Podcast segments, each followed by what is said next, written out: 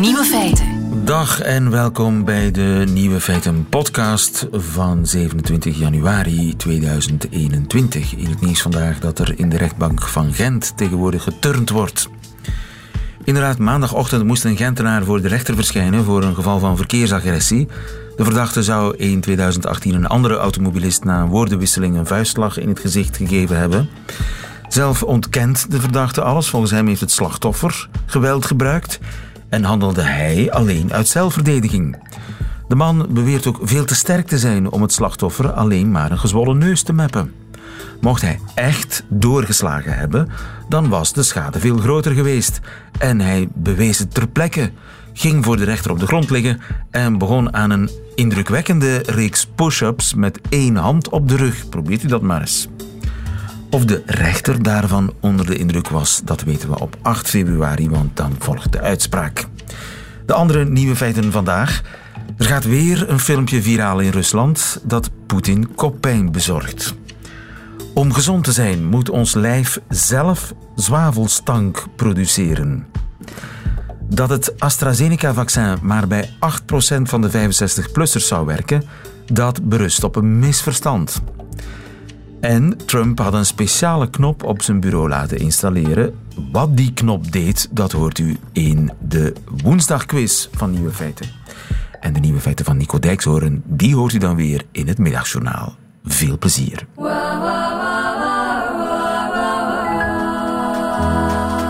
Nieuwe feiten. Wat hebben we aan een vaccin dat maar voor 8% effectief zou zijn bij 65-plussers? En nogthans stond het in Duitse kranten over AstraZeneca dit weekend. Dat het maar bij 8% effectief zou zijn, dat vaccin, bij 65-plussers. Dat werd door het bedrijf ontkend inmiddels, maar hoe zit het nu? Isabelle Leroux-Roels, goedemiddag. Goedemiddag. Je bent vaccinologe verbonden aan het UZ in Gent. Is er nu al enige duidelijkheid omtrent die 8%? Waar komt die 8% vandaan? Um, ja, dat is mij inderdaad ook onbekend van waar dat komt. Um, ik heb de, de publicatie nog eens nagekeken um, en daar staat nergens melding dat het maar 8% zou effectief zijn bij 65-plussers. Dus ik weet niet van waar dit verhaal komt, eerlijk gezegd. Blijkbaar zaten in de controlegroep van de klinische studie maar 8% ouderen. Um, het, is juist als je um, kijkt, dus AstraZeneca heeft niet één grote studie gedaan, zoals Moderna en Pfizer, maar ze hebben verschillende uh, fase 3 studies gedaan. Um, ze hebben daar al tijdelijke of interim resultaten van gepubliceerd. En uh, dat waren drie studies in totaal. En als je kijkt inderdaad naar de samenstelling van de groepen in die studies, dan waren in totaal maar uh, 12% van die deelnemers ouder dan 56 jaar. Dus... Wat lager is in vergelijking met de andere bedrijven. Maar dat ligt voor een stuk ook nog omdat die studies nog lopende zijn. Um, en de, het AstraZeneca vermeldt dat ook zelf in hun publicatie dat uh, zij verwachten na, naarmate de tijd vordert het aantal ouderen zal toenemen. Dus ze hebben gewoon minder ouderen getest? Ja, zij zijn gestart bij jonge mensen en de ouderen zijn pas later in de studies gestapt. Vandaar dat zij inderdaad op het moment dat zijn resultaten of een interim resultaten gepubliceerd uh, hebben, minder resultaten bij ouderen hadden. Klopt. Maar weten we nu hoe effectief het virus, het vaccin is bij 65-plussers? Wel, zij geven in uh, uh, wat zij gepubliceerd hebben, spreken zij dus over een uh, globale doeltreffendheid um, van um, 70 procent in de verschillende groepen. Uh, want je hebt daar nog eens die bijkomende complexiteit dat een deel uh, maar een halve dosis gekregen heeft. Dus het is, het is, wel vrij complex allemaal, maar gemiddeld gezien 70 procent doeltreffend. En ze splitsen dat niet op um, jong versus ouder. Uh, maar ze geven wel aan dat het aantal COVID-gevallen dat ze gedetecteerd hebben in die oudere groep heel nog beperkt is. Um, dat ze wel verwachten dat dat aantal zal toenemen naarmate dus de tijd vordert. Uh, maar ze hebben eigenlijk geen reden, of er zijn eigenlijk geen reden om aan te nemen dat de doeltreffendheid minder zou zijn. Want als je kijkt naar de resultaten van de voorgaande studies, uh, dan zie je dat de immuunreactie uh, van de oudere populatie op een vaccin eigenlijk in dezelfde lijn ligt als jongere mensen. Ja. En we weten dat juist die antistoffen tegen dat, dat spike-eiwit heel belangrijk zijn. En dat is op zich heel positief. Dus dat de oudere mensen ja, even goed reageren of in diezelfde lijn reageren. Ja, maar is dat AstraZeneca-vaccin wel even grondig getest als dat van Pfizer en Moderna? Ehm, als je inderdaad de studies samen neemt, kom je dus um, wel ook aan een, aan een grote groep um, van, van deelnemers. ja, zij, zij komen aan, aan 25.000 mensen. dat is uh, vergelijkbaar met, met wat Moderna bijvoorbeeld gedaan heeft. en uiteraard zullen de autoriteiten, en we verwachten dat eind deze week het Europees Geneesmiddelenagentschap gaat al die data uh, grondig bekijken of is daar volop mee bezig. En aan hen dan om te beslissen of zij dat uh, voldoende vinden om het vaccin te registreren. Maar is het voldoende getest op ouderen? Want dat is toch voornamelijk het doelpubliek van de vaccincampagnes? Ja, wel, ik, naar, naar veiligheid toe is het zeker uh, voldoende getest. Hebben we voldoende gegevens over de veiligheid bij oudere mensen. Um, wat betreft de doeltreffendheid is het, is het zo dat je in die grote studies ja, um, COVID-gevallen opspoort en dat je natuurlijk nooit op voorhand weet wie er gaat uh, ziek worden en getroffen worden. Um, en het feit ja, dat die oudere groep er pas later bijgekomen is en ze vooral infecties gezien hebben bij de jongeren, maakt dat we ja, op, op het moment, uh, en opnieuw ik spreek over de publicatie, die is gepubliceerd um, uh, begin december. Mm-hmm. Dus er zullen vermoedelijk ondertussen nog wel COVID-gevallen opgetreden zijn, uh, maar dat zit in de, in de dossiers ja, die bij het geneesmiddelenagentschap zijn en waar ik ook geen in dus ik moet mij natuurlijk baseren op wat er, eh, op wat er gepubliceerd is. Eh, dus die testen die lopen nog, die gaan gewoon door, ook na die eerste publicatie begin december? Absoluut. Dus dat noemt men een rolling review. Uh, dus het, het, bekijken van de data verloopt eigenlijk op een continue basis. Dus het bedrijf geeft constante ja, updates van de informatie door aan de, aan, aan de autoriteiten, aan het geneesmiddelenagentschap. Ja. Uh, ja. Maar goed, AstraZeneca was ook dat vaccin waarbij per ongeluk is gebleken dat een, een halve dosis gunstig was. Dat ja. per ongeluk, dat doet natuurlijk het vertrouwen geen deugd. Hè? Nee. Nee, dat begrijp ik. Dat is inderdaad zeer ongelukkig. Uh, ook het feit dat dat betere resultaten geeft, uh, is iets waar nog meer duidelijkheid moet over ontstaan. Want die groep die een lagere dosis heeft gekregen, heeft ook uh, een, de tweede dosis werd ook veel later toegediend dan in de andere groep. Hè. Dus de ene groep heeft het met een maand interval gekregen, een andere groep met twaalf weken interval. Dus dat is een beetje appels met peren vergelijken. En in ieder geval zal, is AstraZeneca wel bezig om dat nog verder ten gronde te ja. onderzoeken. Uh, maar is het wel met die standaarddosis dat zij nu uh, ja, de, de meeste data hebben en dus de aanvraag voor registratie gedaan ja. hebben. Is er voor u reden om minder vertrouwen te hebben in AstraZeneca dan in de andere vaccins? Nee, uh, zeker niet. Allee, ik bedoel, AstraZeneca is een, is een ernstig bedrijf. Ook de onderzoekers die het vaccin ontwikkeld hebben, uh, de groep van Oxford, zijn uh, wereldbefaamde en, en zeer ernstige, degelijke vaccinologen. een aantal daarvan ken ik ook persoonlijk. dus ik heb zeker vertrouwen in het vaccin. Het ziet er wel naar uit dat het wat minder doeltreffend is dan Pfizer en Moderna, maar nog altijd zeer goed. Ehm, en dit vaccin, we hebben er ook heel wat van besteld in Europa en in België kan op lagere temperaturen bewaard worden. Dus veel, um, op, op warmere temperaturen liever, minder koude temperaturen. Dus logistiek heeft het ook heel wat voordelen. Het is goedkoper, het lijkt werkzaam te zijn. Dus ik heb er zeker niet minder vertrouwen in. Ja. Nee, absoluut niet. Het moet er alleen zijn natuurlijk. En daar wachten we samen op. Ja. Dankjewel Isabel Lerourouls in Gent in het UZ. Dankjewel, goedemiddag. Nieuwe feiten. Er is alweer een filmpje dat uh, nu viraal gaat in Rusland, waar Poetin een beetje koppijn van krijgt.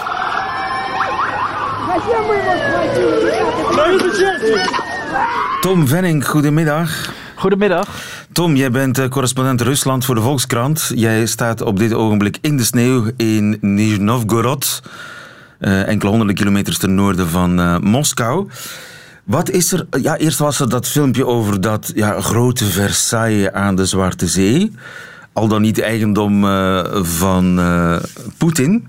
En nu is er weer al een filmpje dat viraal gaat in Rusland. En dat uh, ja, de, de Russische geheime diensten veel zorgen baart. Wat is er in dat filmpje te zien? Ja, wat je net hoorde in het filmpje is een vrouw die op de grond wordt geschopt door een oproeragent. Dat is gebeurd afgelopen zaterdag bij een protest in uh, Sint-Petersburg. Door het hele land waren protesten tegen Poetin voor de vrijlating van Navalny. En deze vrouw vroeg aan een agent: uh, waarom arresteert u deze jongen? Ze zag een, uh, drie agenten op zich afkomen met een jongen. En de agent reageerde daarop met een trap in haar buik. En deze Deze 54-jarige vrouw viel op de grond, raakte buiten bewustzijn en moest naar de intensive care worden gebracht. En dat is heel duidelijk gefilmd. Dat staat heel duidelijk op, uh, op video. Daar is niet aan te twijfelen wat daar is gebeurd. Um, dus ja, dat is een nieuwe blamage voor, de, voor, voor Poetins veiligheidsdiensten. En hebben die daarop gereageerd? Ja, die maken zich daar wel zorgen over. Want die zijn bang dat de protesten alleen maar groter worden als uh, mensen zien dat er geweld wordt gebruikt door de politie. Dat mensen nog bozer worden. Dus wat de veiligheids, veiligheidsdiensten hebben gedaan, is dat ze een agent naar het ziekenhuis hebben gestuurd om excuses aan te bieden aan deze mevrouw. Um, en ja, dat is, dat is gebeurd. En dat hebben zij dan weer geprobeerd om viraal te laten gaan, neem ik aan. Ja, het idee was dat de vrouw daar uh, genoegen mee zou nemen en dat het dan allemaal voorbij zou zijn. Maar de vrouw heeft daarna nog gesproken met journalisten. En daarin heeft ze gezegd: Ja, ik kwam een agent naar me toe. Die zei uh, in, in het ziekenhuis dat, dat hij er eigenlijk niks aan kon doen. Omdat hij zelf met pepperspray in de ogen was gespoten. Um, ja, ik heb, ik heb hem, uh, ik heb hem niet ver, vergeven. Want Um, er is helemaal niet met pepperspray gespoten door de demonstranten. Uh, en ja, ze wil eigenlijk ook dat er een onderzoek komt. Ja. Dus dat, uh, dat gaat er komen waarschijnlijk. Dus zij heeft de excuses van de politieman niet aanvaard, terwijl de officiële versie is dat ze die excuses wel aanvaard heeft. Ja, de officiële versie is dat het uitstekend ging met deze vrouw, uh, dat er niks aan de hand was. Maar ja, toen bleek dat ze in het ziekenhuis lag. En ze heeft toen die agent kwam eerst wel gezegd volgens de, de, de veiligheidsdiensten dat ze die excuses heeft aanvaard. Maar uh, ze was in shock uh, toen, toen die agent op bezoek kwam. Ze wist eigenlijk niet zo goed wat er aan de hand was. En ze heeft nu gezegd, nou ik, ik vergeef jullie het pas als jullie Navalny vrijlaten. En alle andere politieke gevangenen. Nu, ze heeft een klacht ingediend. Zal die klacht serieus worden genomen?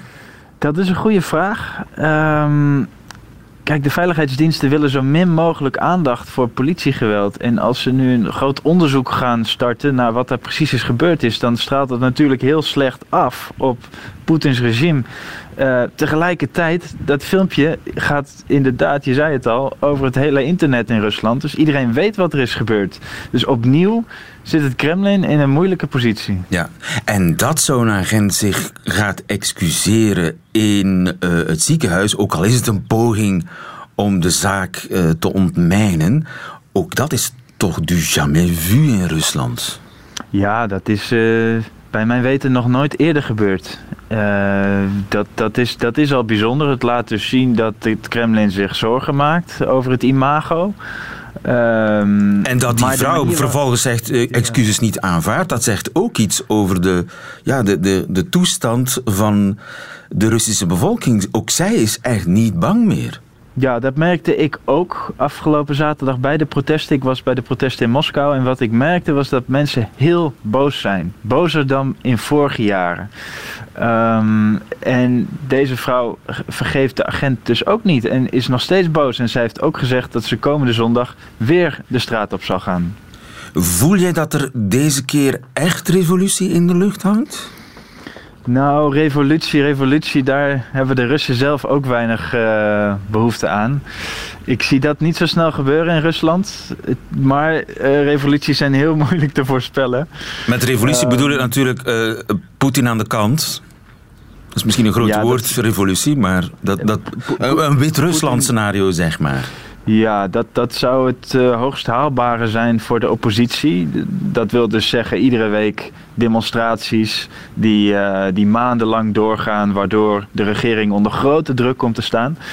Nou, dat, uh, zover is het nog niet. Er zijn wel heel veel mensen naar de straat op gegaan afgelopen zaterdag. De vraag is of ze dat ook iedere week willen gaan doen. Dat zullen we zondag gaan zien, want dan staan er nieuwe demonstraties gepland. Volg het voor ons. Dankjewel, Tom Venink in uh, Rusland. Goedemiddag. Goedemiddag. Nieuwe feiten. Woensdag quiz. Van de roerige straten in Rusland naar de roerige zenuwen van onze quizkandidaten in de woensdagquiz van Nieuwe Feiten. We spelen voor een boekenbon van 25 euro te verzilveren bij de onafhankelijke boekhandelaar aangesloten bij Confituur. En we spelen met Jorik, onder meer dag Jorik Fiddler. Goedemiddag. Jorik uit uh, Tongeren, wat was je aan het doen, Jorik? Eh, ik was juist iets aan het eten met nieuwe feiten op de achtergrond. En wat? Wat was je aan het eten, Jorik? Ja, wel, een simpel boterhammetje met kaas hoor. Wie het simpele niet eert, is de ingewikkelde pompoensoep niet waard, zal ik maar zeggen. Absoluut. Dag Luc Vertommen. Dag lieven, goedemiddag. Luc Vertommen uit Zaventem, uh, waar was jij mee bezig? Lieve, wij zitten op dit uur iedere woensdag. Uh, ik zit samen met mijn dochter op weg naar de kunstacademie in Deurne. En wij zijn fervente quizzers en het is voor ons de eerste keer gelukt om het live te kunnen meemaken. Ah, maar jij speelt elke week mee met je dochter in de auto? Ja, ja, wij zijn trouwe luisteraars. Onderweg naar de kunstacademie, wat doet ze daar, je dochter? Zij gaat naar de zangles en uh, hopelijk is het vandaag niet de laatste keer dat zij als uh, jongere naar een academie mag gaan. Het zijn spannende tijden voor de academie. Dat zijn uh, inderdaad spannende tijden. Heerlijk, een dochter die zangles volgt. Ik ben jaloers. Luc ah, en Jorik, we gaan quizzen. Ik heb vier meer keuzevragen. Ik begin bij Jorik, die zich het eerste heeft gemeld. Zolang Jorik juist antwoordt, blijft hij aan de beurt. Bij een fout antwoord mag Luc een poging doen en wie het laatste juiste antwoord geeft, die wint. Heel simpel. Zijn jullie er klaar voor? Absoluut. Helemaal. Vraag 1. Nieuw onderzoek heeft het geheim van kattenkruid onthuld. Waarom smeren onze katten zich er zo graag mee in? Jorik A. De geur activeert bij katten dezelfde receptoren als cannabis bij mensen. B. Kattenkruid bevat stoffen die muggen op afstand houden. C. Kattenkruid blijkt alleen geliefd door katers, omdat de geur lijkt op die van loopse katinnen. Jorik, wat denk je? Uh, ik denk A. Je denkt A. Fout! Dan ga ik naar Luc. Wat denk wij je? Gaan voor, wij gaan voor C, lieven. C. Fout! Oh. Jammer, jammer, jammer. Kattenkruid geeft een korte roes, maar bevat ook muggenwerende stoffen. En daarom smeren ze zich ermee in en eten ze het niet op. Ik ga terug naar Jorik. Vraag 2. De nieuwe Amerikaanse regering heeft een verleden in superheldenfilms. Hoe zit dat? A. De minister van Transport speelde ooit één van de autorobots in de Transformer-films. B. Joe Biden deed ooit auditie om de butler van Catwoman te spelen. C. De derde persoon in lijn om president te worden, die speelde mee in vijf Batman-films. Jorik. Uh, ik ga opnieuw aanzeggen. Fout! Er wordt hier gegokt dat de stukken eraf vliegen, maar helaas fout gegokt.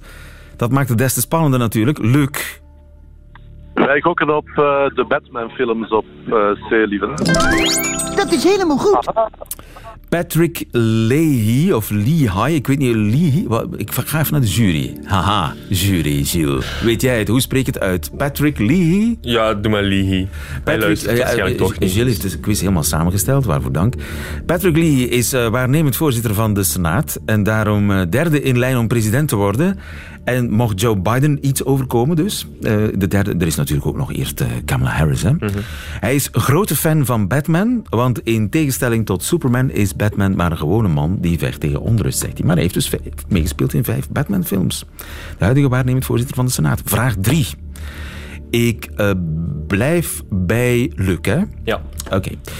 Vraag 3. Ba Joe Biden liet als kerstverse president een welbepaalde knop verwijderen uit the Oval Office. Luc.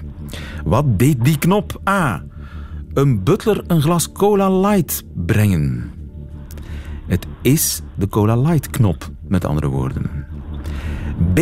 Wat deed die knop? De knop kon de presidentiële kapper en schminksters per direct oproepen. Ik wil nu een kapper en een schminkster. En binnen de minuut staan die, of binnen de twee minuten staan die in the Oval Office. C. Met die knop geeft de president een signaal aan zijn chief of staff dat hij zo snel mogelijk van een be- bezoeker af wil. A, B of C, Luc? Wij gokken, eh, gezien de vorige president, toch op die kapper op B. Fout. Zit je, zit je dochter mee eh, te gokken? Ja, ja, wij gokken gemeenschappelijk. Hoe heet je dochter? Mijn dochter heet Alfia. Alfia. Een zingende Alfia, geweldig. Ja, maar eh, we, geweldig. wij- we wijken helemaal af. Terug naar de Jorik. Jorik, jij mag nog een, eh, een kans wagen. Eh, ik ga opnieuw gokken en nu zeg ik C. Fout. Ai. De Cola Light knop werd geïnstalleerd door, hoe kan het ook anders, Donald Trump, Cola Light eh, in eh, grote hoeveelheden. Dat betekent dat ik voor de cruciale vraag terug bij Luc ben. Nieuw onderzoek, Luc, heeft in kaart gebracht welke koffie het schadelijkst is voor het milieu. Welke koffie staat op nummer 1? A. Oploskoffie. B. Een latte macchiato. C. Een pumpkin spiced cappuccino met caramel topping. Meest Wij onvriendelijke zijn milieu... aan On... het overleggen, lieve. Wij gaan voor... Mijn dochter beslist. Alvia beslist. Voor het allereerste. Fout. Dat betekent dat ik terug ga naar Jorik. Jorik, Ah, wel, dat wordt de gok van de eeuw, maar ik zeg B. je zegt B. Dat is helemaal goed. Helaas, ik hoop dat de zangles blijft doorgaan als troost voor Alfia en Luc, want ze hebben het niet gehaald. Een latte macchiato, eh, of macchiato liever, zorgt voor een halve kilo CO2-uitstoot door de grote hoeveelheid melk die erin zit. Tot spijt van de vele latte-verslaafden onder de bijzonder milieubewuste bevolking. Maar het is dus een latte macchiato het juiste antwoord en dat betekent dat wij een winnaar hebben.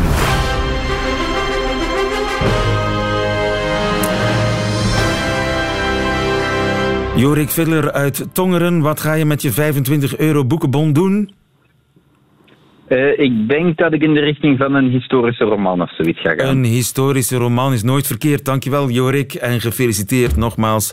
Dankjewel ook eh, Luc en Alfia voor het meespelen. Wilt u ook eens gewoon zelf meespelen? Dat kan ook online via radio1.be. Radio 1. Nieuwe feiten. Is een stinkende scheet een teken van gezondheid? Ik vraag het mij af, want wetenschappers hebben namelijk ontdekt dat de geur van rotte eieren produceren, dat dat gezond is. Peter van Nabelen, goedemiddag. Ja, eh goedemiddag. Ehm, Je bent professor eh, moleculaire biologie in Gent aan de universiteit en het zijn collega's van u in Canada die hebben ontdekt dat gezond eten de productie van zwavelstank in het lichaam doet toenemen. inderdaad, eh, dus waterstofsulfide wordt op, bij gezonde voeding geproduceerd door onze eigen cellen en draagt in feite bij tot heel wat beschermende mechanismen. En als we ongezond eten, dan gaat die productie van zwavelstank door onze cellen verminderen. Zo is het inderdaad. Dus ehm, in feite, het ongezonde eten betekent vooral een overaanbod van zwavelhoudende aminozuren. En die zwavelhoudende aminozuren zitten onder andere massaal in, in vlees, rood vlees vooral. En eh, die zorgen ervoor dat ons lichaam, als we veel van die zwavelhoudende aminozuren innemen, dat ons lichaam zelf geen eh, waterstofsulfide meer gaat aanmaken.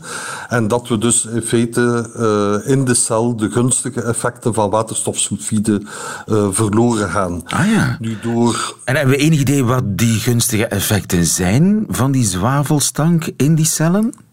Dus die eh, zwavelstank in de cellen veroorzaakt ehm, onder andere recyclagemechanismen, uh, autofagie genoemd, dus waarbij dat de cel um, delen die beschadigd zijn uh, gaat afbreken en gaan vervangen. En op die manier wordt de cel dus beter uh, resistent tegen allerlei stressomstandigheden. Ah, ja. Het stimuleert in feite de vernieuwing van de cellen, een klein beetje waterstofsulfide. Ah, we, we, leven langer als we veel zwavelstofsulfide en dat heeft men dus inderdaad aangetoond, uh, zowel bij gisten, bij rondwormen, bij fruitvliegen en ook bij muizen. Als men dus die uh, waterstofsulfide gaat stimuleren door een aangepast dieet, dat is dus een dieet dat arm is aan zwavelhoudende uh, aminozuren, onder andere methionine, dan krijgen we dus de productie van waterstofsulfide in onze cellen met de heilzame effecten die leiden tot een langer leven en ook een leven dat beter uh, bestemd is tegen allerlei vormen van stress. Het schijnt zelfs dat het goed is tegen corona. Inderdaad, uh, bij een, de corona-infectie, in feite waar dat de mensen uiteindelijk, uh, waardoor de mensen uiteindelijk in intensieve zorgen belanden, is vooral de zware reactie van ons lichaam tegen uh, corona-infectie, uh, maar niet tegen het uh, virus zelf. Dus in feite gaat ons lichaam gaan overreageren. En precies die overreactie kan ook gecontroleerd worden door waterstofsulfide. Ah ja, dat is die, hoe heet het, cytokinestorm. Inderdaad, de cytokinestorm kan verminderd worden door de kleine hoeveelheden waterstofsulfide die worden geproduceerd uh, in de cel, omdat die dus een anti-ontstekingseffect ja. hebben dus je en wordt, de schade beter gaan herstellen. Je wordt minder ziek van uh, uh, coronabesmetting. Ja, Daar ja, komt het eigenlijk minder op neer. ziek en ook uh, beter herstel van schade. Ja, maar het is wel een beetje paradoxaal dat hoe meer zwavel je eet, hoe minder je lichaam het zelf produceert. Dat is inderdaad een zeer belangrijk interessant principe van de biologie. Als je iets veel inneemt, dan verdwijnt in feite de capaciteit om zelf zaken te doen. En in feite moeten we een soort schaarste uh, induceren van zwavelhoudende aminozuren door bepaalde diëten uh, minder te eten of uh, methionine-arme diëten. En op die manier maken we het zelf aan en het zelf aangemaakte uh, waterstofsulfide zit op de juiste plaats en kan de juiste activiteiten gaan uitoefenen. Ja, en dat brengt mij bij mijn cruciale vraag. Is een stinkende scheet een teken van gezondheid? Um, het kan een teken van gezondheid zijn, maar het kan ook een teken van ongezondheid zijn. Want Dacht ik het niet. Uh, uiteindelijk, uh, in biologie is er nooit één rechtlijnig antwoord. Het is altijd de juiste balans der dingen. Ah ja, want zwavelhoudend voedsel, als ik uw redenering volg, rood vlees en zo, eieren ja, als je daar veel van eet, dan ga je scheten stinken, omdat je darmen die zwavel aan het afbreken zijn. En dat is dus precies die zwavel die je niet moet eten. Inderdaad, dus, uh, maar ook uh, gezond voedsel zoals broccoli bevat ook heel wat uh, zwavelhoudende aminozuren en spruitjes ook. Dus uiteindelijk is het altijd de juiste balans, maar ik denk dat vooral de lokale productie van die zaken in de cellen zelf een heel belangrijk protectief effect ja. teweeg brengt. En voor alle duidelijkheid, dat, dat ruik je niet. Dat ruikt je niet omdat die concentraties uh, ontzettend laag zijn. Dus dat is, we spreken over uh, ja, een miljoenste van een moleer. Dus dat zijn ontzettend lage concentraties. Nu, veel mensen kiezen voor een eiwitrijk dieet. Hè, om zo weinig mogelijk ja. suikers te eten, zoveel mogelijk eiwitten. Eiwitten zijn de bouwstenen van uw spieren. Eiwitten zitten in vlees en in eieren. Maar ja, nu hoor ik u zeggen dat dat eigenlijk juist niet zo'n goed idee is om daar veel van in te nemen. Dus inderdaad, een eenzijdige eiwitdieet leidt dus tot een overinname van uh, zwavelhoudende aminozuren. En die gaan dus onze eigen uh, productie uh, uiteindelijk gaan lamleggen, omdat we het niet nodig hebben. Um, en dat is een probleem, dus dat die uh, eiwithoudende diëten waarschijnlijk uh, op lange termijn tot uh, heel wat schade, weefselschade en cellulaire schade en stress aanleiding kunnen geven. Maar zijn er ook eiwitten die dat natuurlijke zwavelproductieproces in ons lichaam niet verstoren? Ja, het probleem is dat elk eiwit in de biologie begint uiteindelijk met methionine. En methionine is een zwavelbevattend aminozuur. Dus ah. elk eiwit in ons lichaam bevat, bevat al methionine, bevat dus al zwavel. Nu, um, als we methionine weghalen uit de voeding, dan, dus kunstmatig weghalen, dan kunnen we wel um, uiteindelijk de waterstofsulfideproductie gaan uh, stimuleren.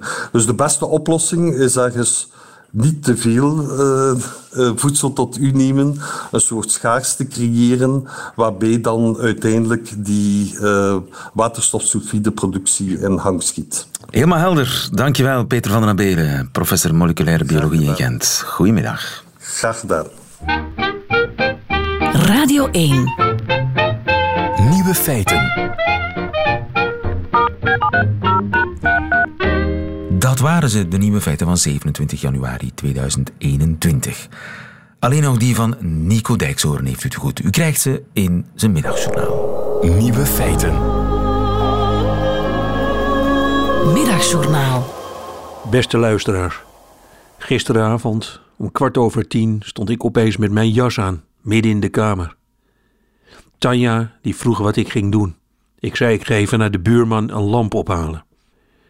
Tanja die heeft voor dit soort situaties precies de goede lichaamstaal ontwikkeld. Ze zat op de bank, ze keek niet op, ze las verder in haar boek en daarna zei ze alleen het woord avondklok. Ach ja, ach ja man, de avondklok, opeens voelde ik hem. Ik was hem helemaal vergeten, het was maar veertig meter lopen naar de buurman. Maar toch durfde ik niet. Ik zei tegen Tanja, de avondwinkel hier om de hoek, die is dus ook niet open. Of zou die alleen maar hondenvoer verkopen? Met een hond mag je namelijk wel na negen uur s'avonds gaan lopen. Maar ik heb een enorme rothekel aan honden. Tanja liet me nog even doorratelen. Ik zei, ik vind het vreemd. Ik vind het heel gek dat hondenbezitters wel de straat op mogen na negen uur. Alsof dat allemaal zo belangrijk is wat die hondenbezitters aan elkaar staan te vertellen.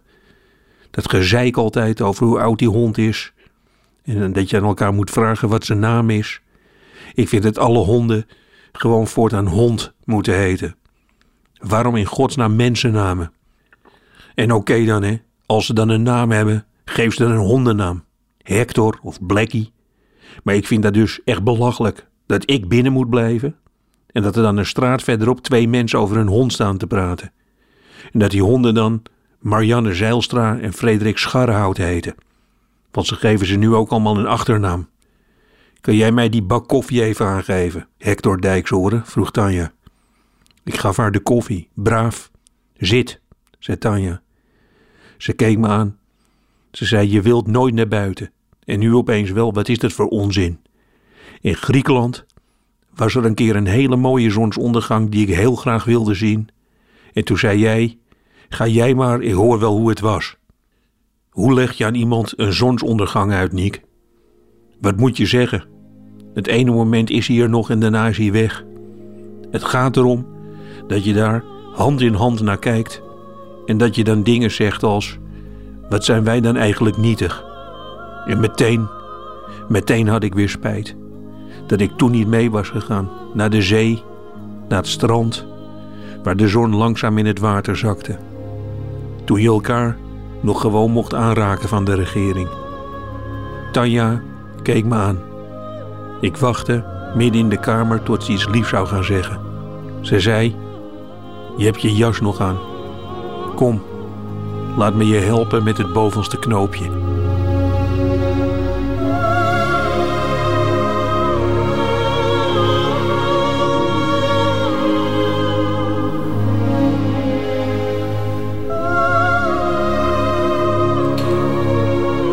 Middagjournaal met Nico Dijkshoorn. Einde van deze podcast hoort u liever de volledige uitzending van Nieuwe Feiten met de muziek erbij. Dat kan natuurlijk via de website van Radio 1 of de app van Radio 1. Daar vindt u overigens nog veel meer hele fijne podcasts. Tot een volgende keer.